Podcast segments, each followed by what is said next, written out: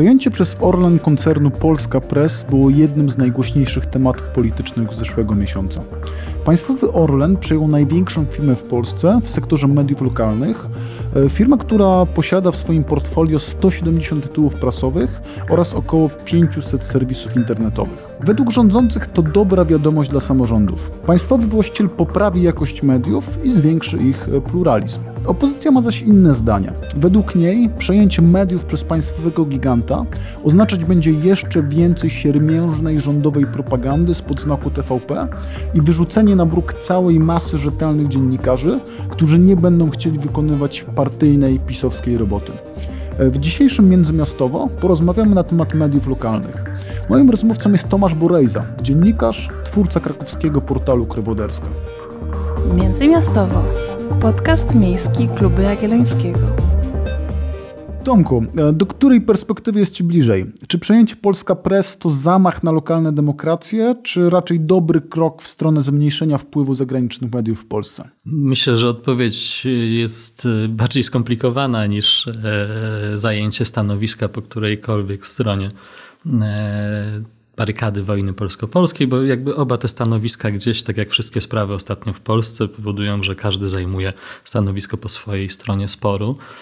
Ale też bardzo, bardzo dobre pytanie, bo to jest tak, że to przejęcie Polska Presu przez Orlen to jest świetna okazja nie tylko do tego, żeby porozmawiać o przejęciu samym, ale żeby porozmawiać w ogóle o kondycji mediów lokalnych w Polsce a także o tym, bo jest to kluczowa sprawa tutaj, dlaczego to tak łatwo poszło, że e, korporacja, która posiada właściwie jedną z największych grup medialnych w Polsce, nie właściwie jedną z największych grup medialnych w Polsce, bo Polska Press w informacjach jest na poziomie wirtualnej Polski i Onetu, e, no tak łatwo pozbywa się tego, co co ma i na czym pewnie mogłaby zarabiać pieniądze i rozwijać ten interes. No to w takim razie dlaczego tak się stało? E, no bo może jest tak, że po prostu media lokalne we współczesnym świecie posiadają bardzo mały wpływ. E, w dobie mediów internetowych, silnej segmentacji użytkowników, social mediów i tak dalej, i tak dalej, e, może już te media lokalne tracą właśnie rację bytu i dlatego to ten zakup Orlenu mógł być właśnie tak tani. No, patrząc na zasięgi portali Polska Presu, na przykład Gazety Krakowskiej na naszym lokalnym podwórku, to powiedziałbym, że nie. No, krakowską czyta 2 miliony użytkowników miesięcznie, real userów, to się liczy jeszcze trochę inaczej niż unique userów. To jest bardzo duże medium, nawet na polskie, na polskie warunki. Gdzieś media takie jak Tygodnik Podhalański na przykład też pokazują, że to jest potrzebne. Znaczy, właśnie rozmowa o wojnie polsko-polskiej, która dominuje od kilku lat już, to co dzieje się w mediach y, ogólnokrajowych e, no nie zastępuje jednak tego, że tu się dzieją ważne sprawy, na lokalnym podwórku się dzieją istotne rzeczy, ludzie tam żyją, chcą wiedzieć, co się dzieje i chcą mieć na to wpływ. I właśnie tam mogą chyba największy wpływ mieć, bo to jest najbliżej. E, najbliżej do redaktora, najbliżej do, do, e, do jakiejś swojej ulubionej gazety czy portalu, żeby on zareagował. E, więc ja bym raczej przyczyn tego, że, e, że właśnie, że tak łatwo się można było, e, że tak łatwo można było zmienić tę sytuację, że Orlen mógł kupić gazety Polska Presu, dostrzegałbym tych powodów w innym miejscu. I to jest moim zdaniem w dużej mierze kwestia relacji i tego, jak te lokalne media traktują samorządy, kwestia finansów w relacjach na linii media-samorządy właśnie i trochę tego, jak do tej pory zachowywała się ta strona, która teraz najgłośniej gra larum, że będzie problem i że no i właśnie, no i że to jest, że to jest wielka kwestia, że Orlen przejął, przejął te gazety i że będzie teraz jakieś nowe TVP info lokalne i tak dalej, i tak dalej. Tak, że samorządy będą mieć gigantyczny problem z tym. Już tłumaczę o co mi chodzi. Chodzi mi o to, że w finansach mediów lokalnych zwykle dużą rolę odgrywają jakieś formy współpracy z samorządami, z lokalnymi agencjami rządowymi, no, z tymi wszystkimi, którzy są na miejscu i są zainteresowani tym, żeby dotrzeć do lokalnych mieszkańców, no bo to jest najlepsza metoda, żeby to zrobić. I w bardzo wielu miejscach te budżety reklamowe są wykorzystywane w taki sposób, żeby nagradzać tych, którzy mówią naszym głosem i karać tych, którzy mówią i piszą rzeczy, które nam się niekoniecznie podobają. I polska press i jej wydawnictwa są w takiej, czy były w takiej paradoksalnie i dobrej, i niedobrej sytuacji, że były na tyle duże, właściwie jako jedyne w wielu miejscach, tak tak, tak było, że mogły sobie pozwolić na mówienie rzeczy, które lokalnym władzom się nie po, pozwalały, nie podobały, bo wciąż mogły funkcjonować. Wciąż zarabiały na tyle, żeby funkcjonować. Oczywiście to i tak były duże koszty, bo to są poważne pozycje w budżetach. W mniejszych y, redakcjach to są często no, większość budżetów pochodzi z tych, y, z tych źródeł. I teraz jak samorząd y, za mówienie takim głosem, który się nie podoba, karze czy karał, tak jest w Krakowie tak, y, no to jakby ci, którzy teraz podnoszą larum z tych tytułów bardziej liberalnych, nic nie mówili, bo im to nie przeszkadzało. Tak? Oni wciąż y, mogli liczyć na dobre relacje z miastem, na wsparcie miasta, no bo podobało się miastu to, co mówią i to, co pokazują. No bo też zakładam, że jeszcze w dużych miastach w jakiś sposób można dywersyfikować te źródła finansowania. E, tak w mniejszych ośrodkach, no to prawdopodobnie albo dostaje się pieniądze z reklam z miasta, albo ewentualnie z biznesów, które są w jakiś sposób pewnie powiązane, więc jakby towarzysko nadal trzeba być w pewnej grupie i dokładnie trzeba wiedzieć jakby co trzeba pisać, no bo inaczej wypadamy z tej karuzeli, e, no i pewnie gdzieś tam z tyłu czyha konkurent, czy tam radny lub jakaś tam osoba, która która, pewnie chętnie mogłaby ten kawałek tortu przechwycić. Są wyjątki, są fenomenalne zupełnie lokalne media w Polsce, które jakoś się wyłamują z tego wszystkiego.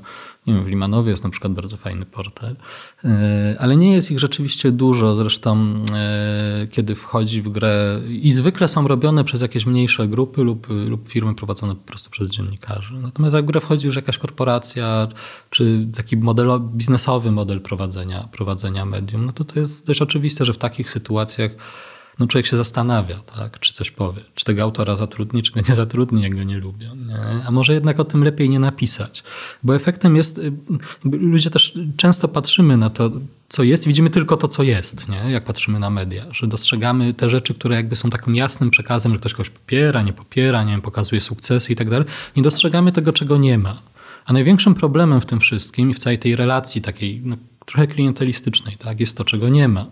No bo efektem jest to, że nie robi się tych rzeczy, które mogą zagrozić relacjom z tym, kto pokrywa znaczną część budżetu. I ja muszę powiedzieć, że nie zazdroszczę też redaktorom, którzy są w tej sytuacji, na przykład naczelnym, e, tych wszystkich relacji, no bo oni często stoją po prostu na stanowisku, które mają wybór między zrobieniem materiału i zwolnieniem człowieka albo nie zrobieniem materiału i jakby no, może nie idą spać spokojnie, ale wiedzą, że w pracy mają tyle samo osób, co mieli, no bo to tak wygląda realnie. Mhm. No to y, zastanówmy się teraz, jaka w takim bądź razie jest realna rola tych lokalnych mediów współcześnie. E, no bo to, co widać, to na pewno takie lokalna rozrywka, informacje typu zakładam zdjęcia z wypadku samochodowego, zdjęcia z pożaru, e, wybór miejsc studniówki i tak dalej, i tak dalej. Czyli jakby lokalna rozrywka, e, często zobaczenie kogoś ze swojej rodziny lub czegoś takiego ciekawego, lokalnego, to się klika pewnie najlepiej. Zakładam, że to jest ta funkcja, którą wszystkie media lokalne pewnie spełniają, no bo muszą w jakiś sposób te kliki uzyskiwać. Zakładam, że druga funkcja funkcja, no to, to pewnie dla tych mediów, które są związane właśnie z władzą, to taka funkcja trochę słupa ogłoszeniowego, czyli informowanie tego, co nam się udało, co fajnego zrobiło miasto i tak dalej, i tak dalej, czyli tutaj słup, słup e, e, informacyjny. E, taka trzecia rola, którą tutaj mógłbym widzieć, to jest taka rola e, trochę sygnalistów, czyli zwracania uwagi na ważne sprawy, które się dzieją, e, nie wiem, odkrywanie jakichś właśnie różnych patologicznych sytuacji e, i tak dalej, i tak dalej. I ta rola zakładam, że skoro te powiązania finansowe są tak silne, no to raczej nikt nie chce tutaj iść na noże i raczej nikt nie chce tego robić. No i czwarta rola, którą tutaj też można zauważyć, to jest pewne kreowanie tej lokalnej opinii publicznej, czyli trochę wskazywanie, które ewentualnie polityk mógłby zająć te, to miejsce. No i tutaj, szczerze powiedziawszy, przy tej czwartej roli, tak jak jeszcze te pierwsze trzy zakładam, że one media lokalne mogą całkiem nieźle realizować, tak ta czwarta zakładam, że jest bardzo trudna, bo tutaj uważam, że te media lokalne mają bardzo mały wpływ z tego względu, że po prostu ludzie głosują na te partie, które po prostu lubią ogólnokrajowo, a też na krakowskim podwórku, nie, nie wiem czy pamiętasz takiego kandydata jak Sławomir Ptaszkiewicz, który chyba tam 6 czy 7 lat temu startował, e, zasłynął z tego, że wykupił wszędzie materiały we wszystkich lokalnych mediach, wykupił słupy, miał na hotelu forum wielką płachtę i tak dalej, i tak dalej. I finalnie dostał 1,5%, więc e, zakładam, że ta funkcja kreowania opinii publicznej jest bardzo niska. Więc według ciebie, biorąc pod uwagę te cztery funkcje, to które dzisiaj są spełniane przez media lokalne?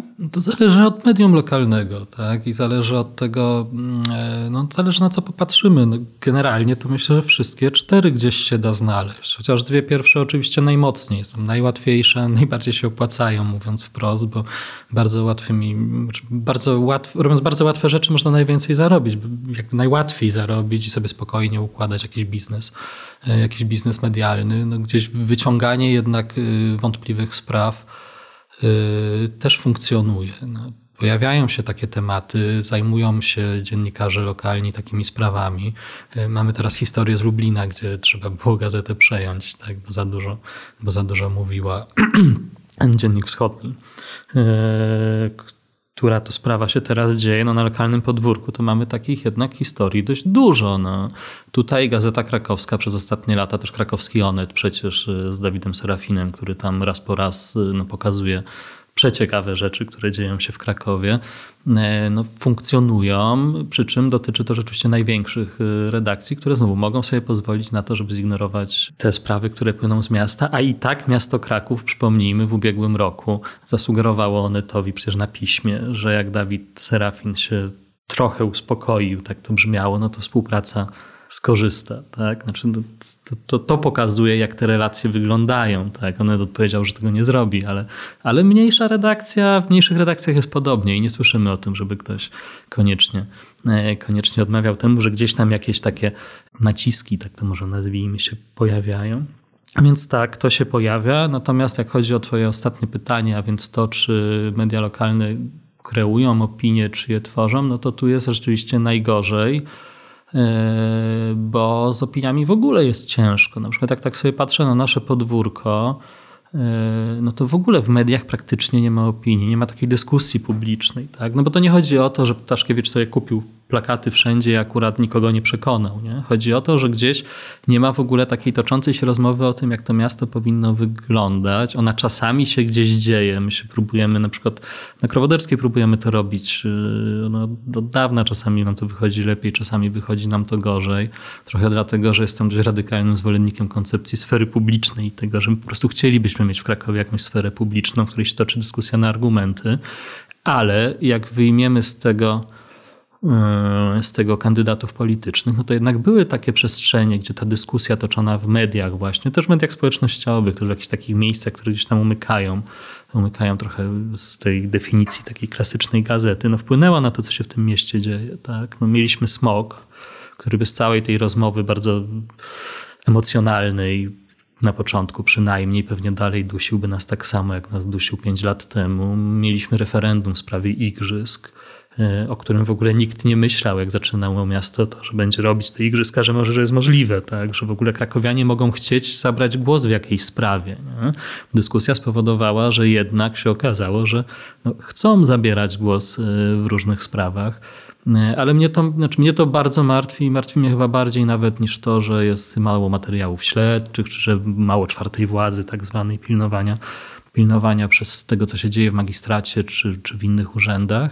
Prostu Krakowie nie ma dyskusji publicznej. A jak ktokolwiek próbuje tę dyskusję publiczną zacząć, pokazać inne głosy, wprowadzić do rozmowy nowe osoby lub nowe tematy, no to jest zwykle atakowany na jakimś poziomie zupełnie personalnym. Są ad personam zarzuty, nie ma odnoszenia się do argumentów. Jest taka, zaczyna taka wojna informacyjna, nie? taka lokalna wersja jakiejś czy to wojną polsko-polską też można nazwać, ale, e, no ale nie ma, nie ma debaty, nie ma dyskusji, nie ma opinii. Ludzie, którzy mają opinię, wypadają z mediów, też nie są dobrze widziani, bo mogą wpływać na to, jak krakowianie interpretują to, co się wokół nich dzieje i no, no nie ma. No. No chyba takimi miejscami, e, tak jak ja przynajmniej obserwuję te jakieś dyskusje, które mnie dotyczą, albo biorę w nich udział w tym lokalnym e, krakowskim świecie, no to raczej to są profile na Facebooku niektórych ludzi i po jakieś tam komentarze, ewentualnie zamknięte grupy. No a tak to ja swego czasu też próbowałem pisać polemiki na przykład na różnych tam łamach i tak dalej. Często te polemiki lądowały, ale już nikt nie, nie, nie odnosił się potem do tej mojej opinii. E, no więc e, pewnie, pewnie jest tak, jak mówisz, że trochę tej sfery publicznej tej nam lokalnie brakuje. Chciałbym jeszcze e, też ogólnopolsko zapytać Cię o to, że być może Janek Śpiewak, o którym chyba wcześniej już wspominałeś, e, teraz chyba wprowadza taki nowy trend, to znaczy takiego sygnalisty, który jakby jest już na tyle duży i na tyle rozpoznawalny, że posiada swoje kanały po prostu informowania i on trochę pomija media i on w zasadzie nie potrzebuje mediów. I to jest raczej tak, że jeśli media piszą, no to o właśnie ty, tych wszystkich treściach, które sobie Janek Śpiewak może w 100% e, kontrolować i wtedy dziennikarze o tych mediach piszą. No bo zakładam, że jeśli jesteśmy w jakimś mniejszym mieście, jesteśmy takim sygnalistą, który w sumie chciałby dotrzeć, ale nie bardzo ma jak, no bo jedyne medium, które funkcjonuje jest na przykład zblatowane z burmistrzem, e, no to, to tak naprawdę jest jedyna, jedyny moment, w którym można byłoby co w jakikolwiek sposób wpłynąć na tą rzeczywistość. Tak, znaczy to, jest, to, to są fajne rzeczy. No, Janek Śpiewak robi zupełnie fenomenalną robotę z tym, z tym kanałem, ale znaczy Janek też tak naprawdę z mojej perspektywy robi swoje media. Tak? Znaczy jego kanał YouTube'owy to też jest y, jakaś forma medium. E, natomiast pewną fajną rzecz, y, która tam się dzieje i która jest istotna, Janka kojarzymy z Warszawą głównie, to był ten jego ostatni materiał o Krakowie, który tak bardzo nie spodobał się w krakowskim magistracie. E, i mówiono o nim raczej nieładnie. E, bo zobacz, że on był bardzo, e, w bardzo skondensowanej formie, pokazał rzeczy, które jednak się już w debacie znaczy w krakowskiej przestrzeni publicznej pojawiały. No tam jest długa lista źródeł, Krowoderska też tam się znalazła zresztą z Gazety Krakowskiej, z Onetu, więc ten materiał był oparty o tematy, które w lokalnej przestrzeni funkcjonowały, które wygrzebali właśnie ci dziennikarze lokalni. No bo jednak Janek nie zrobiłby materiału o Krakowie sam, takiego, tak, tak szybko. Zajęłoby mu to pół roku pewnie na przykład. Pytanie, czy mógłby poświęcić pół roku na zrobienie takiego materiału? Raczej by nie mógł. Nie?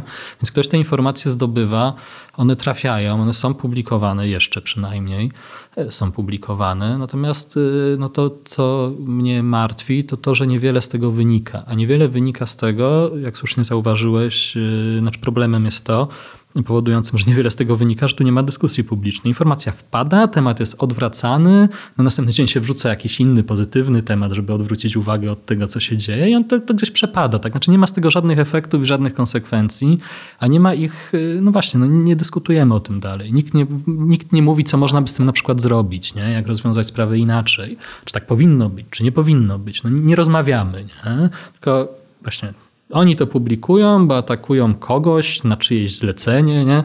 To już opublikowaliśmy w, o krakowskim archiwum tekst Wojtka Muchy o tym, co tam się działo. Na podstawie informacji, które uzyskaliśmy, to tam za wiele nie zostało w tym archiwum. Raczej uległy zniszczeniu no, przeważająca większość dokumentów. E, no i co czytam na kraków.pl dwa dni później? Kłamstwo na zlecenie z trzema pytajnikami. Znaczy tak odpowiada Urząd Miasta w takiej rozmowie. Nie, e, nie ma. Nie, nie, ma dyskusji, nie ma z kim rozmawiać i, i, i szkoda, nie? bo może by się dało. I tutaj jest takim, e, też taki temat związany z tym trochę, czyli roli samorządowych mediów. Na przykład zobacz, jak wygląda kraków.pl. Nie? Dla mnie ten dwutygodnik i portal internetowy, jak ja bym go miał robić, to by było miejsce największego pluralizmu opinii w tym mieście, bo to jest medium publiczne. Nie? Ono powinno dawać głos wszystkim wszystkim stronom sporu na równych prawach, żeby można było się pokłócić, przedstawić swoją opinię, a czytelnicy, żeby mogli sobie wyrobić opinię, kto ich bardziej przekonuje. Nie? A teraz to jest po prostu narzędzie do tego, taka taśma transmisyjna do przekazywania sukcesów, y, sukcesów y, lokalnej władzy i mało tego, do, nawet do tego, żeby pokazywać porażki jako sukcesy. Nie? Żeby wszystko było tak słodko i pięknie. Nie? I to też jest, to jest też miejsce tak naprawdę genialnie niewykorzystane. Na to są pieniądze, to jest sfinansowane ze środków publicznych, y, jest jakaś rola do tego przypisana, tylko ta rola jest po prostu nierealizowana. Nie? Może trzeba zacząć myśleć o tym, jak tam to zrealizować. Zwłaszcza kiedy, e, no, kiedy liberalna strona polskiej dyskusji boi się o to, co się stanie w lokalnej przestrzeni, kiedy e, Orlen przejmie te ostatnie gazety, które jeszcze piszą to, co myślą. No. no też zakładam, że to musiałaby być duża jakby zmiana w ogóle paradygmatu myślenia, e, no bo mam wrażenie, że często, i to też jest przykład Krakowa, to jest taki model trochę takiej oblężonej twierdzy, gdzie w zasadzie ten portal służy tylko i wyłącznie temu, aby właśnie bronić e, swoich różnych poczynań, pomimo tego, że często pewnie jak wszyscy politycy, e, którzy rządzą, też popełniają błędy. E, no i pewnie z, też z negatywnymi skutkami dla wszystkich, no bo zakładam, że nawet ci krytycy, jeśli nie zawsze mają rację, e, no to pewnie czasami mają rację i nawet czasami usłyszenie przynajmniej, co mają do powiedzenia, to mogłoby być coś, co mogłoby w jakiś sposób korygować pewne tematy, a też osobiście moim konikiem jest turystyfikacja Krakowa, która też już tam od, nie wiem, pięciu, ośmiu tematów, ośmiu lat jest jakoś istotnym tematem. Osoby, które zajmują się turystyką, wskazywały już x lat temu e, o tym e, problemie. E, ja chyba z 4 lat temu napisałem taki duży tekst właśnie dotyczący turystyfikacji. No i dopiero teraz w tej nowej strategii miasta coś się zaczyna dziać, chociaż miasto nie daje jakichś tam bardzo twardych tutaj operacyjnych działań, a mam wrażenie, że tą dyskusję już powinniśmy odbyć te 5 lat temu, 8 lat temu e, i już jakby ten Kraków powinien się zupełnie inaczej rozwijać. To też jest dyskusja, która się odby nie odbywa właściwie, tak? Ona się też jak odbywa to, to, to, w przestrzeni internetowej, gdzieś się pojawiają jakieś głosy. E, zwykle, co jest ciekawe, w komentarzach mieszkańcy zabierają inne stanowisko niż to, które pojawia się w większości właśnie krakowskich mediów. No ale zobacz, jak pięknym i doskonałym miejscem do poprowadzenia takiej rozmowy byłyby właśnie samorządowe media. No. To nie jest, to jest rzecz, w której są różne racje, tak? Znaczy to można prowadzić na różne sposoby. To też nie jest tak, że to, co robi miasto Kraków koniecznie jest, jest złe, nie? Może ktoś uważać, że jest w porządku taki model, jaki jest zrobiony. Dużo ludzi uważa, że nie jest i oni tam swojego głosu nie mają. E, I to jest naprawdę, to by było najlepsze miejsce do tego, żeby go poprowadzić, tak? E, żeby tam każdy mógł napisać, co myśli, albo żeby ktoś przeprowadził wywiady z osobami, które mają różne stanowisko, tak? Żeby to poprzedziło jakąś rozmowę, nie? Dlaczego się tego nie robi? Ja tego nie jestem w stanie zrozumieć. Znaczy jestem w stanie zrozumieć, że jest w tym interes i traktowanie tego jak własnej prywatnej zabawki, mającej być po prostu transmisją tego wszystkiego, co, co się myśli, y, ale no po co? No marnuje się gigantyczny potencjał, bardzo fajną rzecz, y, w czasach, które są dla mediów też trudne i to jest bezcenne, kiedy masz przestrzeń, w której faktycznie swobodnie można by takie dyskusje prowadzić, no bez oglądania się na reklamodawców i tak dalej, bo tylko z oglądaniem się na pracodawców, którym w tym wypadku są przecież mieszkańcy, mieszkańcy miasta, no bo też nie jest tylko Kraków, tak? Te samorządowe media działają bardzo podobnie właściwie wszędzie. To jest też duży temat ostatnio, bo podnosi się pytanie, czy one w ogóle powinny być wydawane. E, ja na przykład uważam, że w takiej formie to niekoniecznie, ale generalnie to powinny. Tak? To jest super, super potencjał, nie należy go wylewać e, całego, nie należy tu dziecka z kąpielą wylewać, trzeba go wykorzystać po prostu. Tylko, że też nie, widząc, jak się rozmawia z mieszkańcami w Krakowie, na przykład z pomocą tych mediów dzisiaj, to ja no tak średnio widzę potencjał, że ci ludzie, którzy to robią, byliby w stanie to poprowadzić w jakiś, e, w jakiś inny sposób, a bardzo, bardzo szkoda. No. Tak, przedstawiłeś generalnie taką raczej ciemną wizję mediów lokalnych, e, uzależnionych od e, władzy, raczej w którym nie ma zbyt wiele miejsca dla sygnalistów, raczej nie ma wiele dyskusji i tak dalej. E, w takim bądź razie, czy według Ciebie w przyszłości może być lepiej, czy będzie lepiej? Bo na przykład Noam Chomsky w swojej książce Manufacturing Consent stawia taką tezę, że obecnie media informacyjne to jest synteza zainteresowania elit. E, czyli ich rolą jest po prostu wzmacnianie więzi, propagowanie narracji, nastawianie ludzi na siebie. E, na poziomie ogólnopolskim bardzo łatwo więc to widzimy, bo mamy TVP i mamy TVN, które produkują treści przetworzone stricte dla swoich segmentów odbiorców. E, to już nie są informacje, które ten odbiorca sobie może jakoś interpretować, tylko to już są przetworzona narracja. Już doskonale wiemy, jak przy kolejnej rozmowie właśnie tutaj ze swoją e, rodziną, czy tam ze swoim współpracownikiem, doskonale wiemy, jakich argumentów użyć, aby właśnie uderzyć tą drugą stronę. E, no i tak naprawdę te wszystkie inne informacje, które nie mogą być użyte jako ta pałka w sporze politycznym, e, są po prostu pomijane. No więc w sferze publicznej takie tematy jak smog wcześniej nie mogły być używane jako pałka, więc generalnie je pomijaliśmy. E, jaka więc według Ciebie będzie czekać przyszłość mediów lokalnych? Czy po prostu będą to serwisy informacyjne prezydentów, ewentualnie tuby propagandowe obecnego prezydenta i kontrkandydata, czy coś się może zmienić? Nie wiem. To jest bardzo trudne pytanie, bo pytania o przewidywanie przeszłości są oczywiście zawsze bardzo trudne. Natomiast wiem, że są co najmniej dwa rozwiązania, tylko nie wiem, czy którekolwiek z nich ma szansę się zrealizować. Jedno bardzo proste do wprowadzenia, byłoby, byłaby jakaś forma kontroli społecznej nad wydatkami reklamowymi i relacjami urzędów z mediami na poziomie samorządów i pewnie też jakichś lokalnych jednostek administracji Y, rządowej, bo taka forma kontroli społecznej w tym wypadku mogłaby zapewnić to, że publiczne środki nie są wykorzystywane do tego, żeby wspierać swoich i karać tych, których głos nam się nie podoba, tylko jakoś budować pluralizm dyskusji. E, bo jest na niego miejsce. Ludzie chcą rozmawiać na tematy, które nie są związane z, no właśnie, z tym ogólnopolskim sporem politycznym. E, to też jest męczące i frustrujące w gruncie rzeczy, bo do niczego nie prowadzi. Więc tak, no przestrzeń do rozmowy jest, e, ale trzeba znaleźć mechanizm, który pozwala tą rozmowę w jakiś sposób no, wzmacniać, a nie osłabiać, tak jak się to dzieje teraz. No, drugie rozwiązanie jest oczywiście takie i ono by było najlepsze, że jest możliwe, pokazuje wspomniany już Janek Śpiewak, to jest to, że media są finansowane z pieniędzy ich czytelników. To jest pradawny model. Gazety się kupowało, tak? Gazety miały pieniądze z tego, że sprzedawały jakiś tam nakład. To rewolucja internetowa spowodowała, że te pieniądze przestały płynąć i musiały się znaleźć jakieś inne środki finansowania i dopinania budżetów, no więc się oczywiście takie metody znalazły. E, ale tak naprawdę taki Patronite, który otwiera jakąś tam przestrzeń, czy na zachodzie coraz popularniejszy jednak model finansowania przez płacenie za treści w sieci, on wszystko zmienia, bo on powoduje, że redakcje i dziennikarze odpowiadają przed czytelnikami tylko i wyłącznie. Oni nie zależą od nikogo. Jeżeli są w stanie pokryć y, koszty działania z tego, co otrzymają sprzedając dostępy lub, y, no, lub zbierając na Patronajcie, tak jak Janek na przykład może to zrobić, to się nie muszą przejmować, no to, te wszystkie relacje przestają mieć znaczenie, tak? Jedyna relacja, jaka jest istotna, to są czytelnicy i to jest super, nie? Stajesz się głosem czytelników, możesz ich wspierać w ich, e, w ich działaniach, ich głos wzmacniać, przekazywać ich pytania e, dalej, bo pamiętajmy też, to jest to, co wcześniej mówiłeś o no też o social mediach trochę i że nie ma przestrzeni, że to jest wszystko szalenie czasochłonne, nie?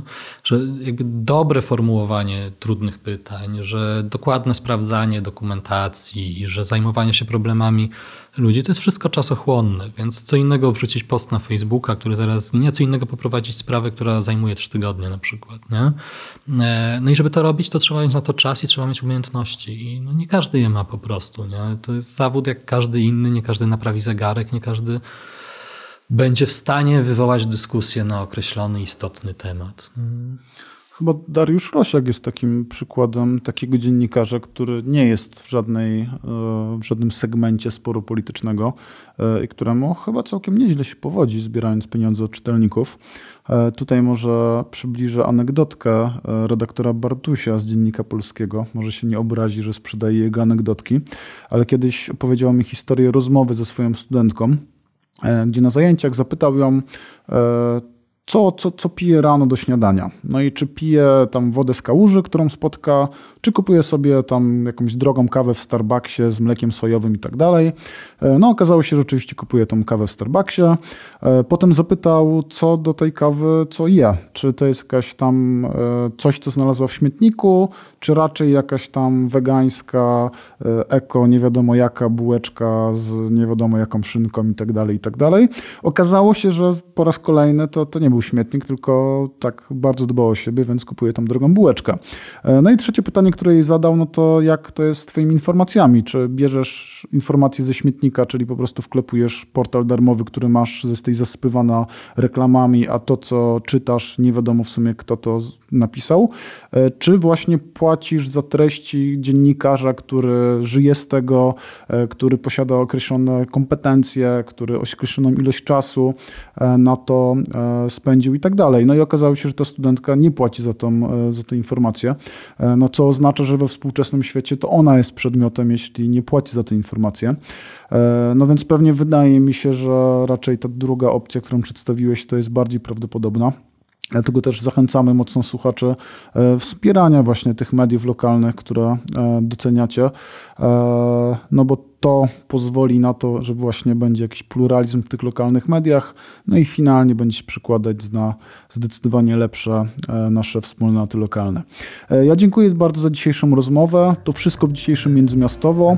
E, jeśli doceniacie to, co robimy, to możecie nas wesprzeć na stronie klubjagielloński.pl. Jeśli jeszcze tego nie robicie, to koniecznie subskrybujcie nas na swojej ulubionej platformie streamingowej. Dziękuję bardzo. Dziękuję. Międzymiastowo. Podcast miejski Kluby Jagiellońskiego.